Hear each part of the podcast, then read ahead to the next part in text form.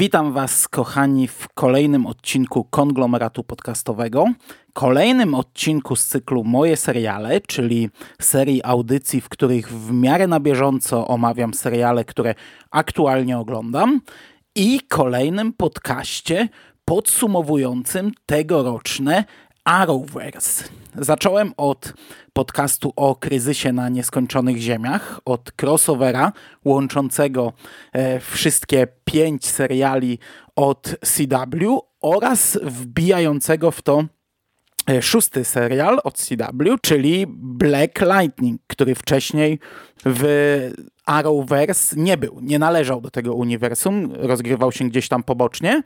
Natomiast dzisiaj dwa pierwsze seriale mm, oddzielnie, osobno. Tak jak zapowiedziałem w podcaście o kryzysie na nieskończonych ziemiach, będę starał się te seriale trochę omawiać pod kątem właśnie crossovera, czyli jak wyglądało przed crossoverem, jak wyglądało po, czy mm, crossover miał jakiś wpływ na te seriale.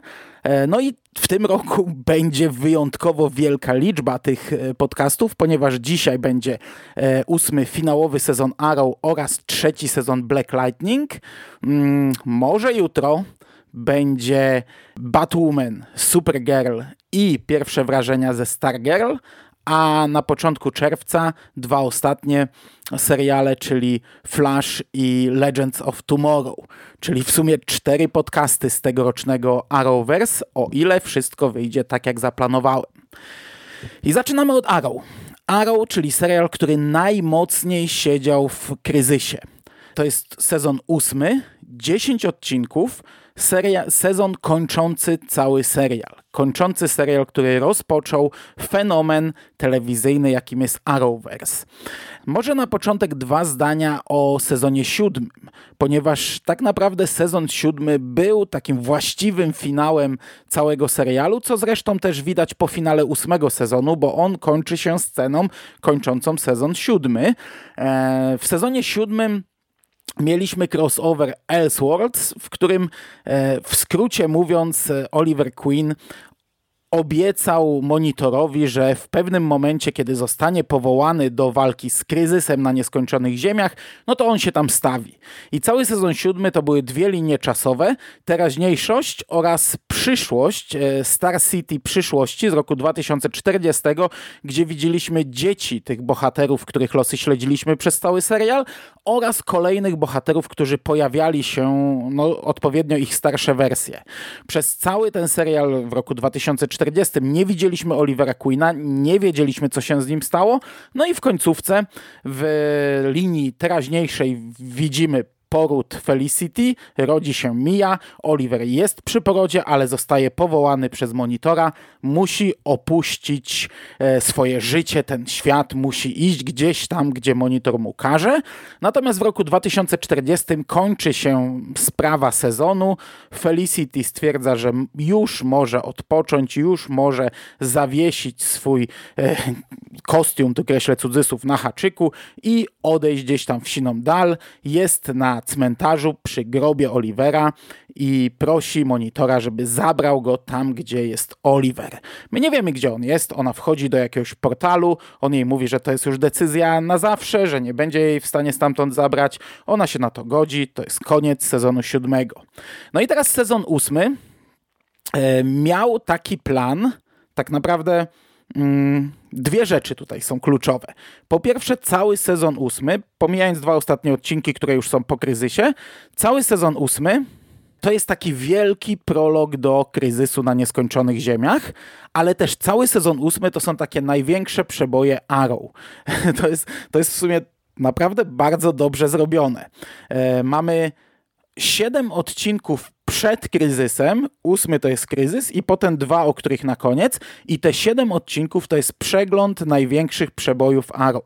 Oliver Queen dostaje jakąś misję od monitora, my nie wiemy, co, co to będzie. Monitor każe mu zdobywać jakieś rzeczy w różnych miejscach na świecie, czy też w multiversum, ponieważ już pierwszy odcinek zaczyna się od Ziemi 2.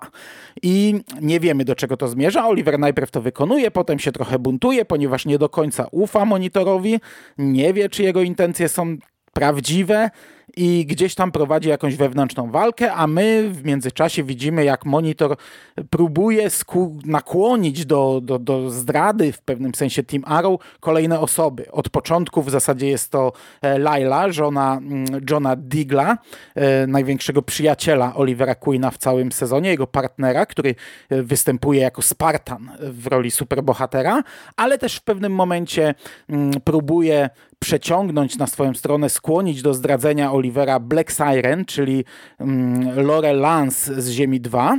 No a tak jak mówię, my skaczemy po różnych e, znanych nam lokacjach. I zaczynamy od odcinka na Ziemi 2, gdzie mamy zylion powrotów. W ogóle przez cały ten sezon będzie mnóstwo powrotów, ale tutaj wracają niemalże wszyscy bohaterowie ważni, którzy gdzieś tam umarli.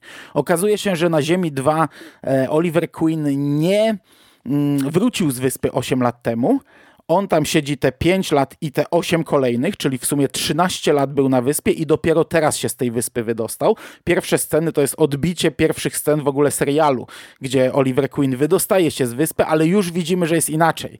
Gdy na, na, na, na palu mamy nabitą, normalnie mieliśmy nabitą maskę Deathstroke'a z przebitym okiem, e, strzałą Olivera, tutaj jest to maska Batmana. No i już w pierwszej scenie widać, że coś jest, że, że, że to wygląda inaczej. No a Oliver na Ziemi 2 znajduje zupełnie inny świat. Okazuje się, że mnóstwo ludzi, którzy zginęli od czasu jego powrotu, tutaj żyją i mają się dobrze. Tutaj też działa Green Arrow, tutaj też działają bohaterowie, e, ale no Oliver ma ten konflikt, czy jego powrót był dobry dla, dla świata, ponieważ w jego świecie no, mnóstwo ludzi zginęło no, no przez te 8 lat, a teraz widzi, że w momencie, gdy on nie powrócił, e, ci ludzie żyją. Ale z drugiej strony jedna osoba, która żyje w naszym świecie, w tym świecie zginęła i teraz mamy tę tą, tą wagę, nie? czy jak to przewartościować, czy jedno życie jest ważniejsze od tych wielu żyć, nie? czy zrobił więcej dobrego, czy złego. No i cały odcinek kończy się e, tym, że wielka fala antymaterii przelatuje przez Ziemię 2 i ją niszczy. Przy czym to jest o tyle dziwne, bo to nie jest jeszcze kryzys, to nie jest jeszcze atak antymonitora na multiversum, to jest najprawdopodobniej mm, jakaś manifestacja monitora, czyli tego teoretycznie dobrego. On chce pokazać Oliverowi, co się może stać, znaczy co się na pewno stanie podczas kryzysu, niszcząc cały jeden świat, zabijając tych wszystkich ludzi, którzy tam żyją. I no, z, tej, z tej ziemi udaje się oczywiście uciec Oliverowi. On zdobył to, co miał zdobyć. Udaje mu się przeciągnąć Black Siren, czyli Lorelance na, na naszą ziemię, na ziemię 1. I teraz już od drugiego odcinka ona ma z kolei konflikt, ponieważ no, wszyscy, których znała, nie żyje. Musi odnaleźć się w tym nowym świecie. I drugi odcinek to jest z kolei Hongkong. Tutaj monitor ich przerzuca ja, jak sobie chce. Nie? Rzuca nimi gdzie, się, gdzie, gdzie chce. Hongkong z kolei to było miejsce akcji retrospekcji chyba w trzecim albo w czwartym czwartym sezonie. Wybaczcie, nie pamiętam już tak dokładnie, no ale w którymś z tych ostatnich sezonów w pierwszej piątce, w pierwszych pięciu sezonach, e, gdzie Oliver został przetransportowany z wyspy, dowiedzieliśmy się, że w zasadzie rok spędził w Hongkongu. No i tutaj mamy kolejne zadanie, właśnie te wszystkie wątpliwości Olivera zaczynają się nasilać, wątpliwości Black Siren i finalnie no, prowadzi to do tego, że Oliver podejmuje decyzję, by zacząć gdzieś tam podkopywać to, że ten e, Marnowu, czyli monitor, niekoniecznie ma rację, więc on zacznie się czegoś dowiadywać na ten temat. No i w trzecim odcinku w, w, udał się na, na Daparbat, czyli na, do miejsca e, Razagula Ligi Zabójców, gdzie teraz urzęduje jego siostra. I, I tam odkrywa jakieś fakty na temat e, monitora, ale no to jest kolejny element nie? z przeszłości. To był chyba czwarty sezon, gdzie, po, czwarty albo trzeci, no mylę już te sezony, gdzie pojawił się, chyba trzeci, w czwartym był kto inny, gdzie pojawił się Razak Gul. Mm. No i ten odcinek trzeci jest jeszcze o tyle istotny, że te trzy pierwsze odcinki dalej pokazują nam równolegle dwie linie czasowe. Ja nie kumałem po co to jest, no bo e, szósty sezon nie miał tych, tych dwóch linii czasowych. To był jedyny sezon bez retrospekcji, czy też y, bez tych y, flash forwardów, futurospekcji i on był nudny przez to. Ja to krytykowałem, że jak tego zabrakło, to się zrobił trochę męczący sezon. W siódmym sezonie zrobili te, to, to wybiegnięcie w przyszłość, tą drugą linię czasową z przyszłości ze Star City 2040 roku, ale tam sprawa się zakończyła.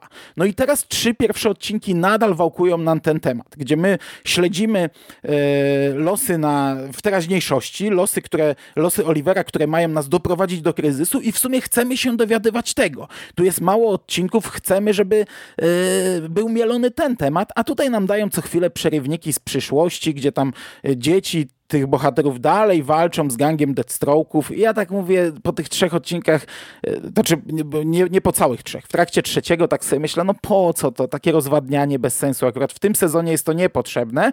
No i końcówka trzeciego odcinka nam pokazuje, po co to było. Co prawda można to było zrobić wcześniej, no ale dobra, zrobiono to w tym momencie, bo Monitor w pewnym momencie zrobił swoje magiczne mambo jumbo i przerzucił bohaterów e, z 2040 roku do teraźniejszości. Ten odcinek się kończy tym, że wszyscy bohaterowie John Deagle, Oliver Queen, jego syn y, pierwszy, czyli William, jego córka z, z Felicity, czyli Mia oraz adoptowany syn Johna Digla, czyli Connor, te trzy postacie z przyszłości, trafiają, nagle znajdują się w bunkrze e, Team Arrow z teraźniejszości i oni stoją naprzeciwko siebie, nie wiedzą co się dzieje.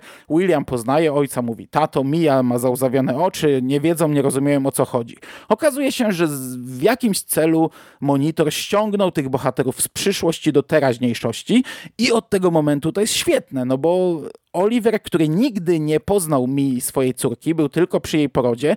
Mia, która nigdy nie poznała ojca, przez całe swoje życie była wychowywana w cieniu ojca. No teraz widzimy, że oni dostają swoje pięć minut, by, by poznać się, by razem walczyć i by dojść do jakiegoś porozumienia. I przyznam, że to jest bardzo dobrze rozpisane, bardzo dobrze spuentowane w siódmym odcinku przed kryzysem. Scena, która też w samym kryzysie została powtórzona, naprawdę łapie za serce. Ich taka pierwsza rozmowa, bo, bo wcześniej Mija trochę unika Olivera, ma, ma mu za złe to, że on się odwrócił, że, że nie był z rodziną i, i, i finale tego, tego wątku mamy naprawdę rozmowę, która kurczę, no aż łezka się wokół kręci. To jest świetnie spuentowane. Ja jak to oglądałem, to naprawdę miałem taki moment, że o kurde, nie, jakie to jest fajne, nie, jak to jest dobrze zrobione.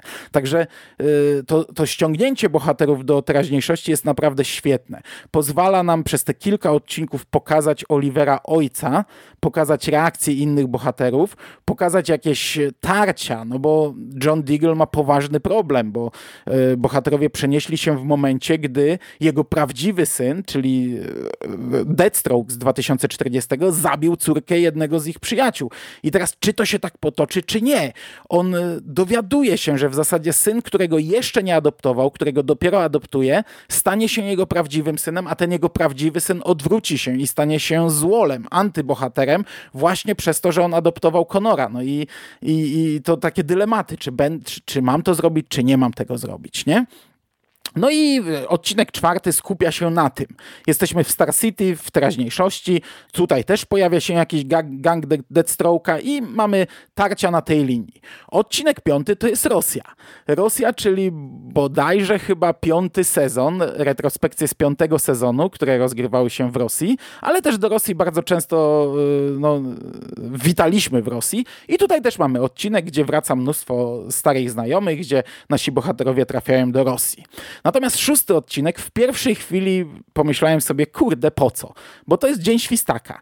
Nagle Oliver i Black Siren, czyli Laura Lance z Ziemi 2, zostają wbici do jakiegoś fikcyjnego świata, gdzie pojawia się Quentin Lance, ojciec Lory i mm, Sary Lance, który zginął nie tak dawno, który już nie żyje, no tutaj jest burmistrzem Star City i nagle przeżywamy Dzień Świstaka wydarzenia, które oni, y, które się rozgrywają, prowadzą do śmierci Quentina. Oni muszą wpaść na to, co zrobić. Na początku myślą, że muszą uratować Quentina, nie wychodzi im to. Później go ratują, ale to nadal wszystko się sypie i nadal ciągle się to powtarza. Nie wiedzą, do czego to ma doprowadzić i początkowo ja byłem na nie, bo mówię, no po co? Przed samym kryzysem wstawiać nam coś takiego, co nam rozbija, rozwadnia, a to jest kolejny świetny odcinek, bo to jest rzecz, która oni zostali tam trochę za karę wrzuceni. Mają dojść do pewnych wniosków. E, Lara Lenz została wrzucona tak naprawdę, żeby pogodzić się z Quentinem, żeby, bo, bo monitor daje im tutaj też prezenty, powiedzmy. To całe ściągnięcie dzieci do teraźniejszości było prezentem dla Olivera, żeby on miał szansę być ojcem przez chwilę. Tutaj Lara Lenz dostała prezent, żeby pożegnać się z ojcem. I ta scena pożegnania, chociaż to nie jest prawdziwa Laura Lenz, to nie jest jego prawdziwa córka, to jest córka z innego świata, ale ta scena ich e, ostatniej rozmowy, której nigdy nie odbyli, jest znów czymś, co łapie za serducho. Jest fantastyczne. Natomiast e, Oliver, który do tej pory walczył, jego zadaniem jest pogodzić się z tym, że nie ma sensu walczyć, że kryzys nadejdzie, a on musi w tym kryzysie się poświęcić. On nie przeżyje tego kryzysu i, i, i musi się z tym pogodzić. I ten Dzień Świstaka jest po to i powiem wam, że to jest naprawdę świetny odcinek. Chociaż w pierwszej chwili ma się wrażenie, że jest totalnie niepotrzebny, ale on jest naprawdę bardzo dobry. No i gdy oni wreszcie podejmują te decyzje, dochodzą do tych pewnych wniosków, czeka ich ostatnia misja, a ostatnia misja nie mogła się odbyć gdzie indziej, jak na Lian Yu, czyli w Czyśćcu, czyli na wyspie, na której Oliver spędził tyle czasu i no koniec najlepszych przebojów. Najlepszy przebój na koniec, trafiamy na wyspę. I tutaj mamy masę znów fajnych rzeczy. Po pierwsze, mnóstwo tych powrotów, nie? mnóstwo bohaterów, którzy wracają. Te rozmowy, o których powiedziałem, rozmowy z Williamem, rozmowa z Miją, to wszystko jest w tym odcinku. Kończy się czerwonym niebem, czyli kryzys nadszedł. E, minusem może być ta cała misja rozpisana na 7 odcinków, bo no, oni składali coś ważnego, kawałek po kawałku zdobywali coś dla monitora, a okazało się to moim zdaniem trochę rozczarowujące. Znaczy, było to do przewidzenia, że to nie będzie nic wielkiego, bo, bo jednak kryzys na nieskończonych ziemiach musiał być trochę zamkniętym tworem. Nie mógł się, nie wiem, zbyt mocno opierać na siedmiu odcinkach ostatniego ósmego sezonu Arrow, bo jednak no, włodarze stacji myślę, że zakładali, że usiądzie do tego trochę ludzi, którzy niekoniecznie są na bieżąco z tymi serialami. Ale jest to trochę rozczarowujące. Tak naprawdę y, wszystko to, co oni zdobyli, wielka technologia prowadzi do zamienienia y, jednej bohaterki w w nowego superbohatera, Harbingera, który teraz w kryzysie jest y, taką osobą, która no, ja wszystko wiem, więc ja wam wszystko wyłożę w 20 sekund, żebyśmy mieli ekspozycję z głowy, nie? I ja was wszystkich tutaj ściągnę. No musiał być ktoś taki, żeby ich ściągnąć w pierwsze minuty, żeby to pominąć, że, że gdzieś tam musimy skakać po światach. Oni wszyscy muszą trafić w dane miejsce z wszystkich seriali. No to mamy Harbingera, który ich wszystkich, pach, jesteście tutaj, nie? No to teraz wam wytłumaczę, bach, bach, bach, bach, bach, wytłumaczyłam, nie? Koniec, nie? Ale ten odcinek na Lian Yu też jest świetny. No i dostaliśmy siedem naprawdę bardzo dobrych odcinków. Potem dostaliśmy kryzys, który jest częścią większej całości, więc tutaj bez sensu o tym mówić. A na końcu dwa odcinki po kryzysie. Nie wiedziałem, czego się spodziewać. Yy, dziewiąty, czyli pierwszy z nich, nazywa się Green Arrow and the Canaries. I no niestety, to jest najgorszy odcinek całego sezonu, a nawet jeden z gorszych całego serialu. Jest to w pewnym sensie pilot, który miał zapoczątkować nowy serial mm, właśnie pod tym tytułem, bo, bo taki serial miał się pojawić. Wiemy już, że mm, Mia, córka Olivera będzie nowym y, Green Arrowem, będzie nową zieloną strzałą.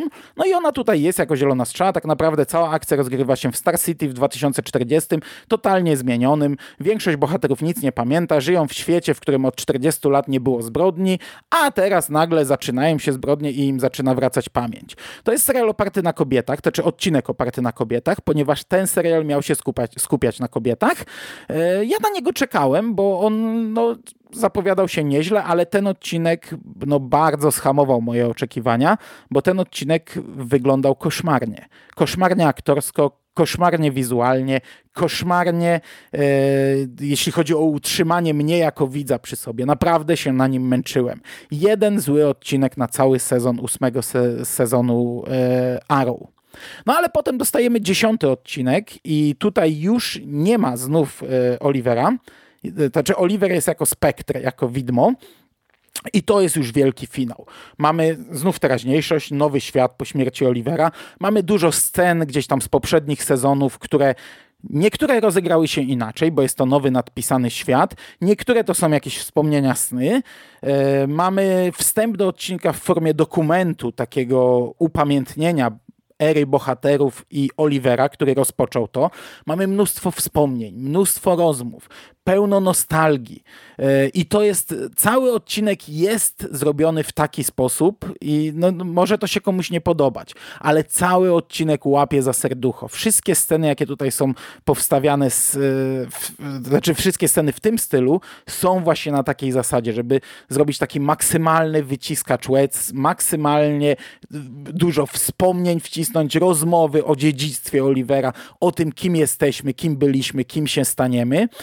E, Mamy też sprawę Williama, który został uprowadzony w poprzednim odcinku i no i tutaj mamy taką ostatnią sprawę, którą rozwiązują. Pojawia się Felicity, której nie było przez cały sezon, o czym w sumie nie powiedziałem, ale to jest jeden z największych plusów tego sezonu, gdzie wreszcie zniknęła Felicity, a z kolei pojawiło się zylion powrotów z przeszłości i to jest fantastyczne, jeśli chodzi o ten sezon. Mamy jakieś camea, mamy powroty, no wraca Sarah Lens, która teraz jest główną bohaterką Legends of Tomorrow, ale jej postać wywodzi się z Arrow. Była bohaterką Arrow i przeszła do legend.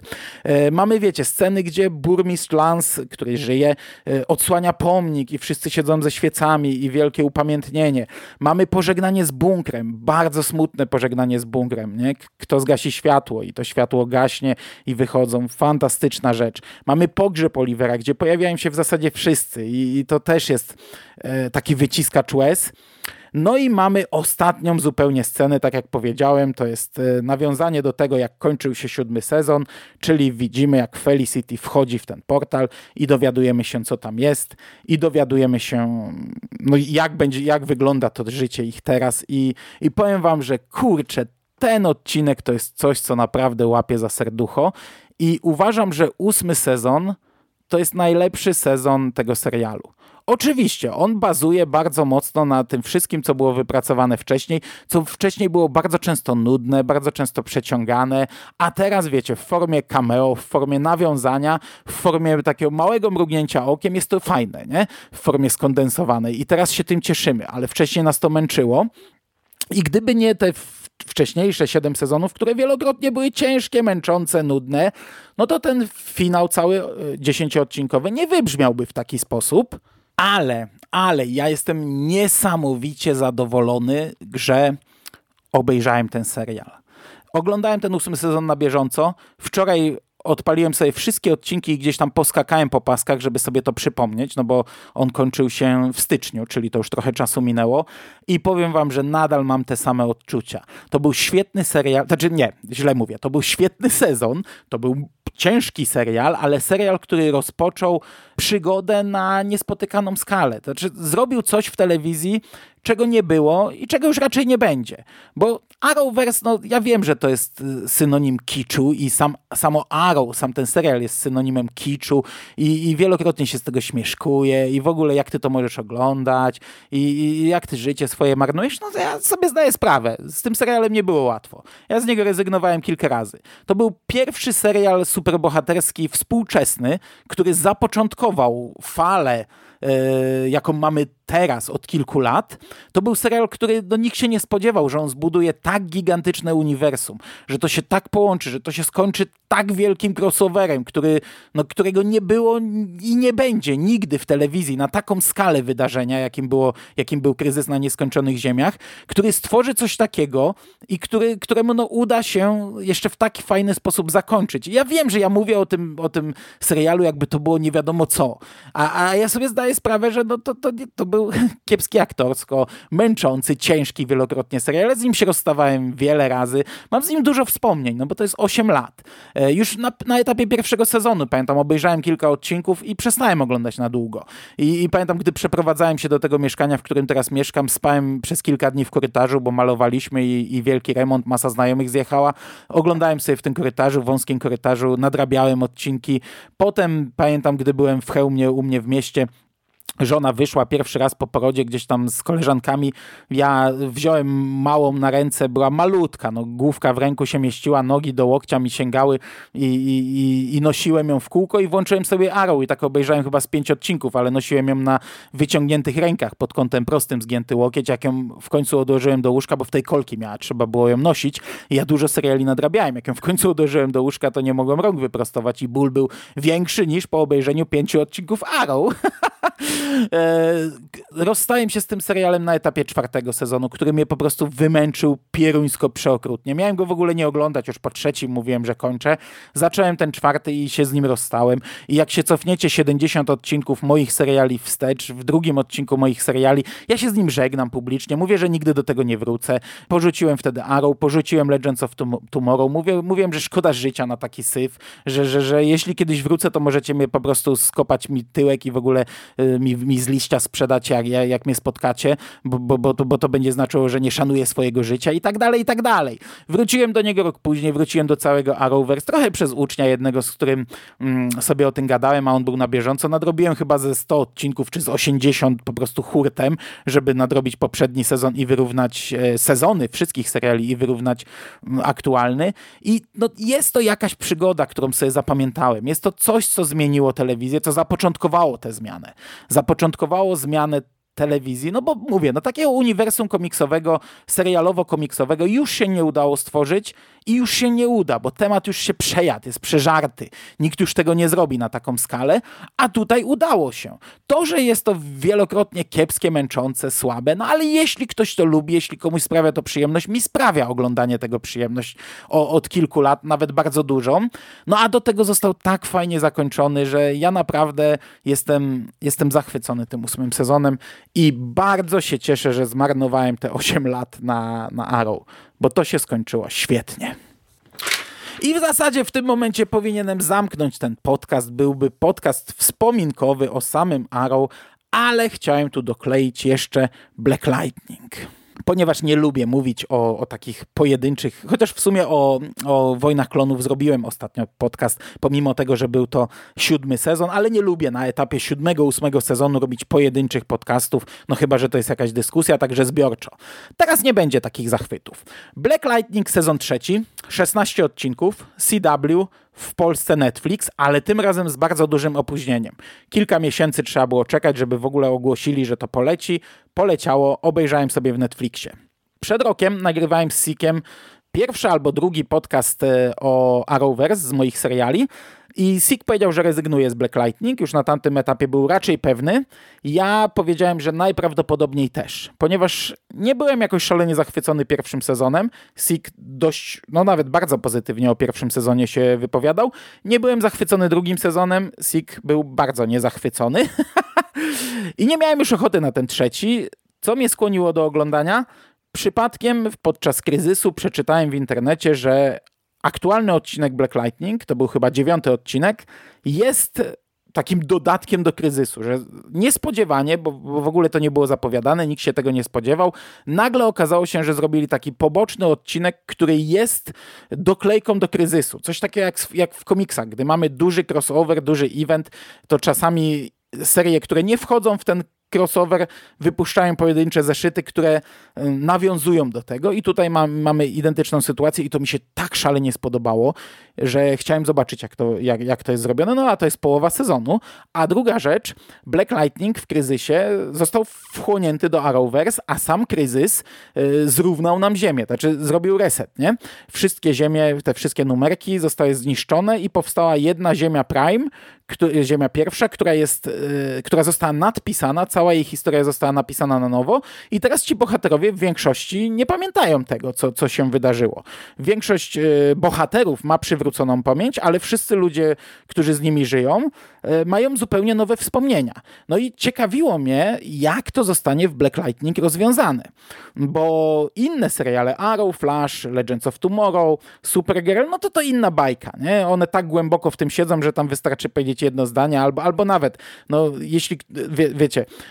jeśli ktoś nie oglądał kryzysu, ogląda samą Supergirl, no to trudno, już jest przyzwyczajony, że po, po evencie musi łyknąć rzeczy, których niekoniecznie zrozumie i one mu zostaną wyjaśnione z ekranu. No ale Black Lightning do tej pory to było oderwane od Arrowverse, a tutaj nagle mm, Black Lightning od połowy sezonu ma działać na ziemi, na której jest Flash, Supergirl, Green Arrow, no był Green Arrow, już go nie ma. I tak dalej, i tak dalej, nie? E, cały ten legion bohaterów. I zastanawiałem się, jak to zostanie ugryzione w tym serialu. Czy coś się zmieni nagle, czy w połowie nagle, wiecie, wydarzenia, które były wcześniej, nagle się posypią i się okaże, że, że w ogóle jest coś innego, bo tak bywało już. W Arrow tak było. Gdy Flash zrobił Flashpoint w jednym sezonie, no to nagle e, historia została zmieniona trochę i Deagle, który wcześniej miał córkę, nagle miał syna. I, i w Arrow tam nikt się z tym nie, nie patyczkował, nie? No, w jednym odcinku ma córkę, w drugim ma syna. Trudno, drogi widzu. Jak chcesz wiedzieć dlaczego, to obejrzyj sobie Flasha, nie? I mnie zastanawiało, jak to zrobią w Black Lightning. No i dlatego usiadłem do Black Lightning. I teraz tak, przypominam, że Black Lightning ma e, coś takiego, że mm, e, ma księgi. E, Black Lightning jest podzielony i zawsze był podzielony, no może w pierwszym sezonie trochę mniej to było widoczne, na takie bloki. To ciężko nazwać arkami historycznymi, bo e, no tu nie czuć takiego naprawdę pocięcia. E, oczywiście no te kolejne księgi skupiają się na jakichś wydarzeniach, ale bardzo płynnie przechodzą do kolejnych wydarzeń. To nie jest tak, że pierwsza księga, czyli tam dajmy na to cztery odcinki, to jest coś, a potem zupełnie coś innego, nie? Nie, jakby się, jakby się nie patrzało na tytuły odcinków, to, to nawet by się tego nie zauważyło. To dość płynnie po prostu przechodzimy z jednych wydarzeń na drugie i kolejne, ale to jest jedna y, pełna historia. I tutaj mamy e, Księgę Okupacji i to jest pięć pierwszych odcinków. Księgę Ruchu Oporu i to jest odcinek szósty, siódmy, ósmy i dziewiąty. Z czego dziewiąty no to jest rozdział czwarty Księgi Ruchu Oporu, Earth Crisis. Potem mamy cztery rozdziały Księgi Markowi i na koniec trzy rozdziały Księgi Wojny. I teraz tak, jak to wygląda w tym serialu? Teraz będzie już krócej niż, niż o Arrow. E, po pierwsze, zaczynamy od tego, że jest e, okupacja Freeland. Mamy obozy mm, metaludzi, Mamy izolację, całkowitą izolację miasta. Miasto jest odcięte, jest kwarantanna, jest specjalne wojsko, które mm, no, terroryzuje w zasadzie to miasto. Policja już schodzi na, na drugi plan i w pewnym momencie policja w zasadzie też e, zaczyna ten, ten ruch oporu. E, mamy blokadę mediów, e, mamy zarówno mm, metaludzi, Y, poddawanych badaniu gdzieś tam w jakichś placówkach. No, y, Black Lightning przez pierwsze bodajże pięć odcinków w zasadzie nie walczy. On jest od miesiąca przetrzymywany gdzieś tam w jakiejś izolatce, takiej białej izolatce. Jest poddawany różnym testom na, na, na, na w zasadzie za zgodą swoją, ponieważ jego rodzina została objęta ochroną i, jego córki mogą sobie żyć i nie są zamykane w żadnych obozach, ale mamy też obozy, normalnie obozy, gdzieś tam klatki z metaludźmi. Dzieci z pojemników, metaludzi z Greenlightu, mamy znakowanie uczniów, mamy taką nagonkę, całe miasto jest, e, żyje w takiej atmosferze no, terroru.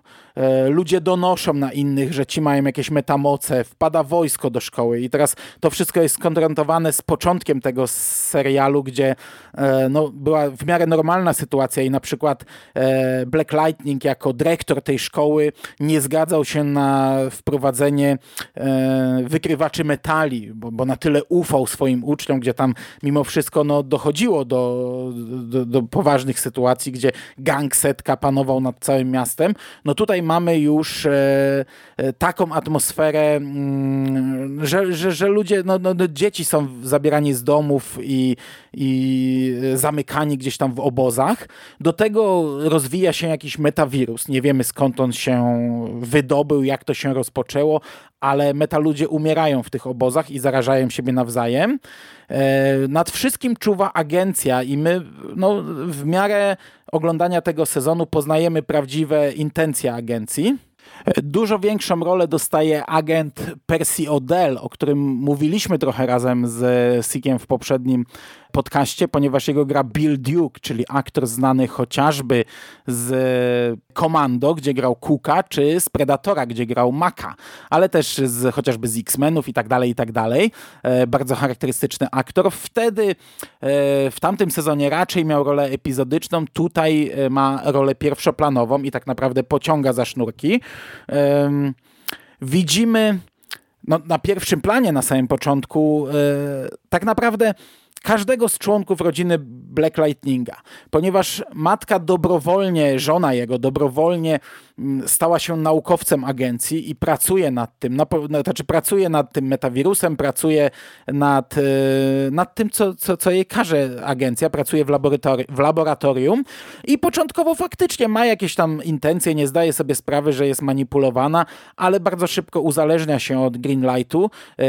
Też nie ze swojej winy i widzimy, no, no, no, widzimy konflikt bardzo duży na linii żona i Black Lightning.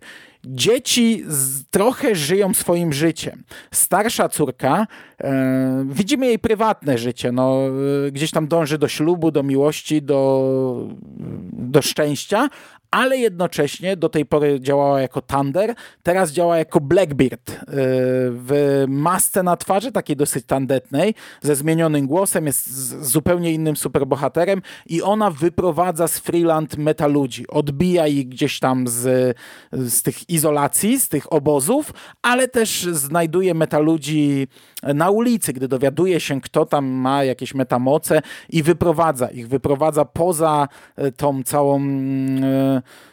blokadę miasta. Oczywiście no, w tym musi jej pomóc e, Peter Gambi, czyli ten przyjaciel rodziny, który jest tym takim e, facetem ze stołka przed komputerem, który jest od monitoringu, od mówienia, od, od prowadzenia bohaterów podczas akcji, od sprawdzania różnych rzeczy, od łamania kodów, od wszystkiego. Wiecie, ten wytrych fabularny, który jest w każdym serialu czy filmie superbohaterskim. No i widzimy, jak ona to robi, jak gdzieś tam trochę przekracza pewne granice czasami, chociaż akurat Thunder, znaczy Blackbird, może niekoniecznie. Tutaj bardziej widzimy konflikt na linii e, Blackbeard Black Lightning, gdy on w końcu wychodzi i zaczyna działać jako superbohater w nowym kostiumie, który dostał od agencji, mm, no to tutaj bardziej kto jest liderem, nie? To na tej zasadzie jest konflikt. Natomiast dość duży konflikt jest pomiędzy młodszą e, córką, czyli Jennifer która działa jako Lightning i ona z kolei daje się bardzo mocno omamić Odelowi. Odel, czyli ten agent e, wykorzystuje ją do pewnych sytuacji. Ona, jako taka młoda gówniara, nie do końca sobie zdaje sprawę, że coraz bardziej pogrąża się po drugiej stronie barykady e, i coraz bardziej tak naprawdę staje się powoli przeciwnikiem swojej rodziny. trochę działa przeciwko mm, tym e, ideom wyznawanym przez ojca czy siostrę i, i robi zupełnie co innego niż Blackbeard. E, ale to wszystko zostaje w pewnym momencie mm, skonfrontowane. Tak naprawdę właśnie ten odcinek, który dzieje się w trakcie kryzysu, jest e, bardzo ważnym, nawet kluczowym odcinkiem dla dalszego prowadzenia fabuły i to jest fantastyczny odcinek, bo on chociaż mocno siedzi w kryzysie na nieskończonych ziemiach, ale nie jest jego częścią, ale jest też bardzo mocno osadzony w tym serialu. Jest ważny dla tego serialu. Tutaj masa rzeczy w tym odcinku to, to, to jest spuentowanie tego, do czego prowadziły wcześniejsze e, decyzje bohaterów.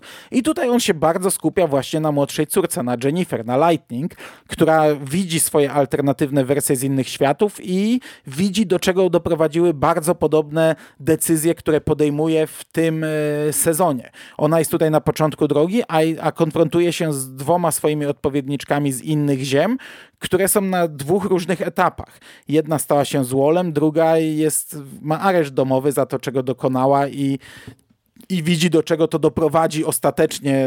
No, widzi dwie negatywne, dwie drogi, które doprowadziły do e, złego końca. No i to jakoś tam wpływa na jej dalsze decyzje i na to, co, co zrobi. Natomiast y, sam kryzys nie ma wielkiego wpływu na dalszy rozwój serialu.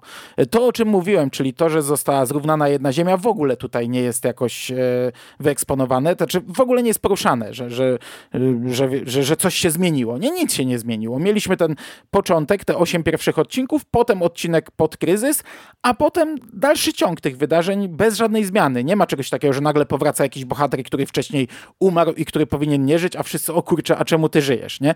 W innych se, se serialach z tego worka tak jest, no bo cała ziemia została nadpisana na nowo, więc wszystko to, co wydarzyło się wcześniej, tak naprawdę się nie wydarzyło. Zostało napisane na nowo i nie, bardzo dużo wydarzeń potoczyło się inaczej. Więc bohaterowie, którzy żyli, teraz mogą nie żyć, bohaterowie, którzy nie, którzy nie żyli, teraz mogą żyć. E, to bardzo mocno we flaszu jest. E, znaczy, może nie, że mm, na pierwszym planie, ale jest to poruszane. Chyba tylko we flaszu ten temat był poruszany, gdzie Cisco ma z tym problem, że, że to trzeba przecież skatalogować, że trzeba teraz wszystkich złoli, których mamy w swojej bazie danych, e, no, przepisać, tak jakby w dwóch wersjach. Nie? Tutaj tego nie ma, ale jest ten moment, bo, bo, bo ten odcinek pod kryzys kończy się sceną, gdzie zaczyna się sceną, gdzie niebo robi się czerwone, potem mamy cały odcinek, gdzie Jennifer jest w śpiączce, oni próbują ją ratować, a ona jest tak naprawdę w tej strefie poza światami, tak, na takim czarnym tle i podróżuje po różnych ziemiach, ale to bardziej podróżuje nie fizycznie, a umysłowo. No a na koniec rodzina stoi i przechodzi fala antymaterii. Black Lightning znika zanim fala uderzy. Wiemy, co się z nim potem stanie, jak zostanie wprowadzony do kryzysu, a cała rodzina no, przestaje istnieć. Cała Ziemia przestaje istnieć. I w kolejnym, mam, mamy, wiecie, mamy planszę, dalszy ciąg w kryzysie na nieskończonych ziemiach, a potem, gdy przechodzimy do dziesiątego odcinka, no to tak jakby wszystko się budzi, wszystko wraca do, do normy, przy czym Jennifer i Jefferson, czyli Black Lightning zdają sobie sprawę, że coś się wydarzyło. Zdają sobie sprawę z tego, co było, że, że brali udział w wielkim wydarzeniu, gdzie w ogóle odkryli dopiero teraz, że istnieje multiversum, że istnieje wieloświat, że istnieje nieskończona liczba e, ziem, e, które zostały zniszczone i tak naprawdę nadpisana została jedna ziemia. Oni sobie zdają z tego sprawę. To pada z ich ust. Oni rozmawiają ze sobą o tym. E, mówią o tym Peterowi Gambi, e, czyli temu tutaj wydrychowi fabularnemu, fabularnemu facetowi od komputera, który, który wiecie, trzy, klik, trzy kliknięcia i wszystko wyjaśnione i to na, do tego się ogranicza. Peter Gambi mówi, nie, kurde, no, no nie, no bez sensu mówicie, ale bierze jakiś tam przyrząd, przejeżdża po nich, skanuje ich i mówi, o kurczę, macie na sobie pełno antymaterii, czyli w sumie chyba mówicie prawdę, ale teraz mamy taki problem u siebie, że bez sensu o tym dyskutować, to zostawmy to na inny czas. No i ten inny czas już nie następuje, także sam kryzys i to, co wydarzyło się w kryzysie jest wspomniane w serialu, ale yy, już później nie ma jakichś konsekwencji. Potem jeszcze przy stole, gdy wszyscy siedzą i jest takie zjednoczenie rodziny i mówią, że od teraz nie będą kłamać już sobie, że, że, że, że to życie ma się potoczyć dobrze i każdy ma się z czegoś zwierzyć i każdy się z czegoś zwierza, to jeszcze w tym momencie sobie e, Jefferson żartuje, że a ja tutaj uratowałem ziemię i brałem udział w tym. Także to jeszcze tutaj raz pada, ale to jest wszystko. No i, i jeszcze, jeszcze jedna rzecz jest ważna w Black Lightning. Wraca Painkiller, czyli e, chłopak e, Jennifer, który przechodził już taką drogę, że ho, od zwykłego chłopaczka, dobrego ucznia i sportowca przez złola, gdy został mu wyrwany kręgosłup i wtedy Tobias Weil, czyli do tej pory główny złol całego serialu, e, on był jego jakąś tam marionetką, teraz Tobias tak naprawdę siedzi w tej izolacji przez większość serialu, jest też zamknięty i to nie on tutaj pociąga za sznurki, aczkolwiek w pewnym momencie no, wychodzi na, na pierwszy plan i staje się ważniejszy, przy czym Painkiller, czyli ten, ten chłopak jest... Yy zupełnie nową postacią tak naprawdę. No on zginął, on umarł w poprzednim sezonie, został pochowany, mieliśmy pogrzeb, mieliśmy dość smutne pożegnanie z nim i teraz nagle się pojawia i to pojawia w takiej zupełnie innej roli. To znaczy okazuje się, że to jest on i tylko, że został mu wszczepiony jakiś, nie wiem, jakiś chip w głowę, jakiś w ogóle program wgrany i on jest mordercą na, na usługach Odela i to takim mordercą, że no, zaczyna się od tego, że zlecają mu zabicie jego matki, żeby przetestować go, sprawdzić, e, czy, czy on jest oddany całkowicie. I on działa jako, jako taki no, niezniszczalny w zasadzie, e, niezniszczalna broń. On zna kilkanaście sztuk walk, potrafi zabijać samym dotykiem, ponieważ w jego rękach jest jakiś jad, jakiś, jakaś toksyna i gdy kogoś dotknie, to, to tak naprawdę zabija tę osobę. Potrafi walczyć na, na, na wszelkie sposoby i jest, jest niezniszczalny, ale nasi bohaterowie odkrywają na, na pewnych etapach, że on żyje i w końcu dociera to do Jennifer, do tej młodszej córki. Ona też dowiaduje się, że Khalil żyje i oczywiście ma te swoje problemy, nastolatki, durne, wiel, wielki foch, że czemu jej tego nie powiedziano. Tutaj jest dużo tych fochów nastolatki, ale powiedzmy, że nie jest ich aż tyle, żeby to mi przeszkadzało, ale na pewnym etapie mamy walkę taką wewnętrzną. Khalila z tym programem, z tym, z tym czymś, co, co, co nim steruje. Nie? I i, to jest też taki element, który przez jakiś czas jest dość ważny. On w pewnym momencie Khalil przejmuje kontrolę i staje się tym dobrym, ale potem e, Painkiller znów przejmuje kontrolę, a potem w zasadzie e, muszą się jakoś tam no, no, no, no, no, no coś tam musi dojść w tej głowie do, do, do porozumienia.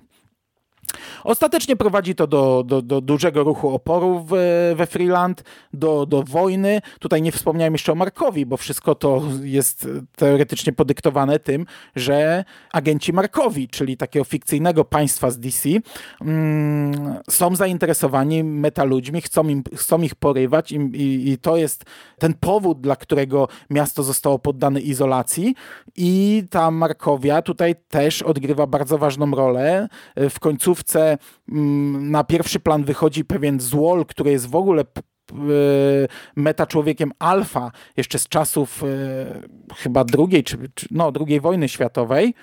Mm, I on jest też powiązany z naszymi bohaterami i tam cuda na kiju wychodzą i, i, i, te ostatnie trzy odcinki, czyli Księga Wojny, no to to jest regularna wojna e, pomiędzy agencją, pomiędzy Markowią, pomiędzy bohaterami, mieszkańcami Freeland, ruchem oporu. E, historia z tego sezonu jest skończona.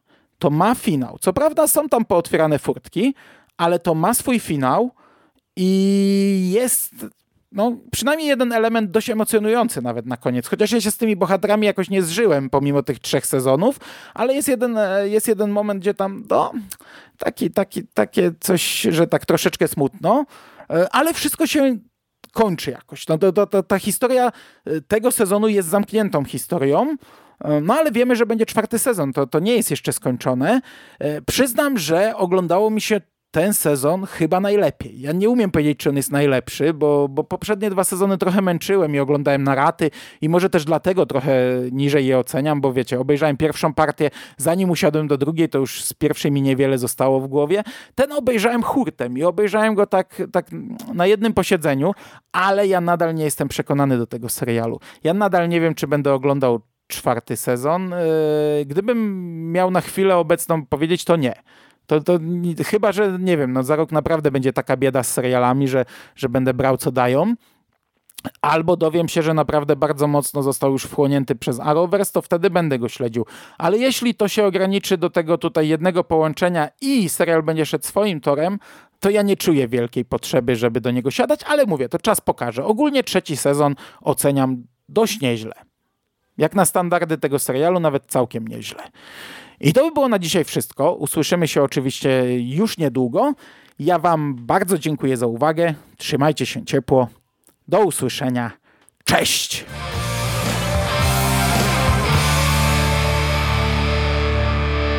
You finished? That's it, man. Game over, man. It's game over. What the fuck are we gonna do now? What are we gonna do?